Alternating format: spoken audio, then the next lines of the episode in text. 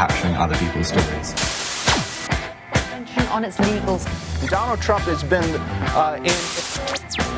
Lots of cliches. Japan's economy rebounds.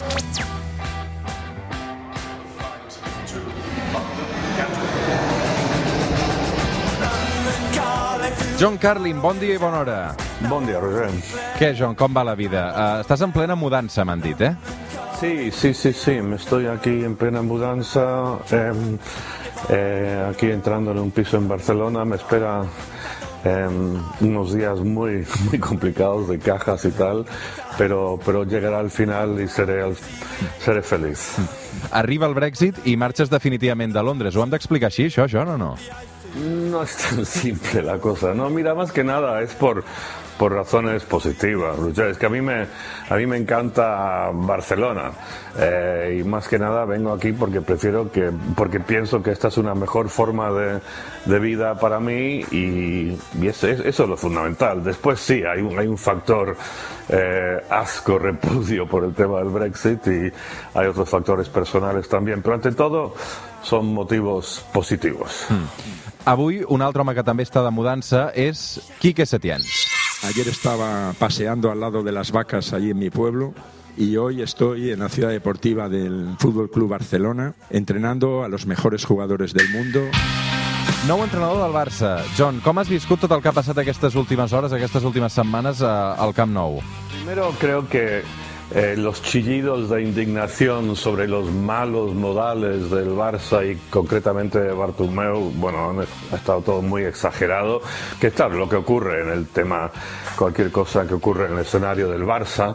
Em, pero primero em, diría que, que conozco a Bartomeu razonablemente bien, no es que seamos amigos, que conozco a sus hijos, lo que sea, pero eh, es, es una buena persona que, que tiene muy buenos modales y, y que se le acuse de ser una especie de, de Mourinho, eh, me parece que la gente se, se pasa un poco. Eh, segundo, te diría que no olvidemos que hubo bastante presión dentro del Barça para que se despidiera Valverde en el verano, después de la catástrofe de Anfield, y fue Bartomeu el que defendió eh, a, Van Bel- a Valverde. Em, tercero, pues mira, el Barça ha jugado mal esta temporada. O sea, es la primera vez en muchos años que yo entre ver un partido del, del, del Barça y tomarme una taza de té con, con mi tía, pues no estoy muy seguro que, no estoy muy seguro qué es lo que voy a hacer. Entonces, entonces y bueno, cuarto, observa- cuarta observación. Em, el mundo del fútbol es así, es, es duro. Si eres un entrenador de un gran club como el Barça, te pagan un pastón, tienes un trabajo con el que medio planeta sueña, pues mira, eh, no todo es rosas y, y- y chocolate y dulces. Eh, sabes cuando entras en un trabajo así que, que hay que va a haber momentos va a haber momentos difíciles y que seguramente tarde o temprano te, van a despedir porque si el equipo juega mal siempre siempre el entrenador es el chivo eh, expiatorio de todo esto. Entonces esto es- estas son las reglas del, del juego y si si quizá no se, no se hace el proceso del despido con la exquisitez y la delicadeza y la cortesía que uno desearía, pues mira, eh, también por esto te pagan. Em, Sí, pero John, diría- però les coses segurament es podrien haver fet molt millor i, i, i la manera com es va filtrar tota la premsa, no? Uh, Xavi, uh, Koeman, uh, Pochettino, finalment Quique Setién. És a dir, semblava tot una mica un despropòsit, eh? Sí, bueno, sí, por supuesto que todo fue bastante caótico, pero te quiero decir que esto no es inusual en estas circunstancias, Eh, especialmente en un gran club como el Barça, donde hay montones y montones de reporteros que están ahí eh, buscando historias y montones y montones de personas deseosas de filtrar información por diferentes eh, intereses políticos o económicos. Mira, yo eh, tengo ciertas fuentes dentro del Barça que eh, me han contado una versión de, de esto, que si quieres te, te- te lo cuento. Sí, endavant.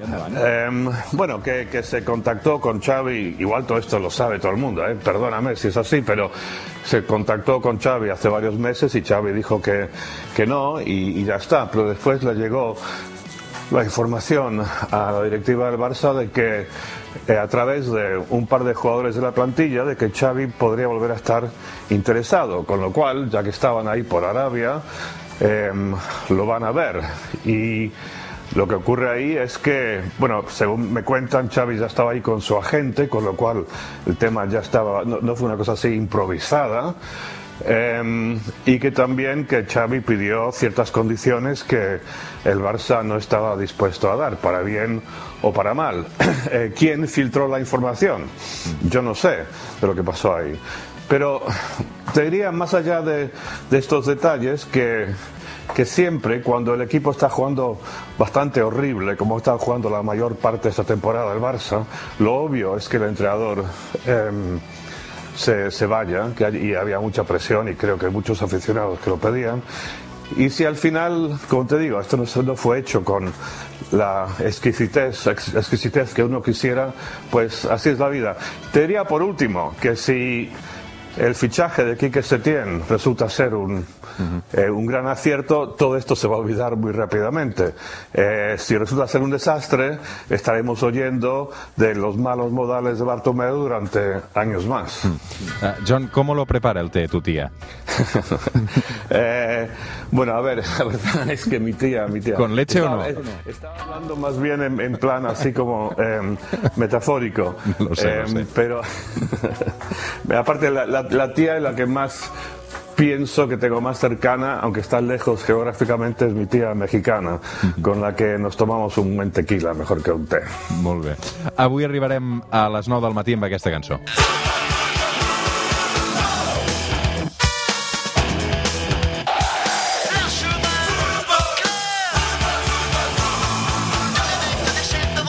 Avui arribarem a les 9 del matí amb l'homenatge particular que Mano Negra va fer al futbol. La cançó es diu Santa Maradona. John Carlin, una abraçada fins la setmana que ve. Una abrazada, Roger.